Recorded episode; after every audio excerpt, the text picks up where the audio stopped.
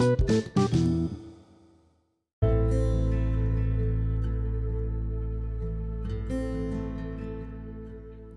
bisa basi aja uh, gimana hari ini?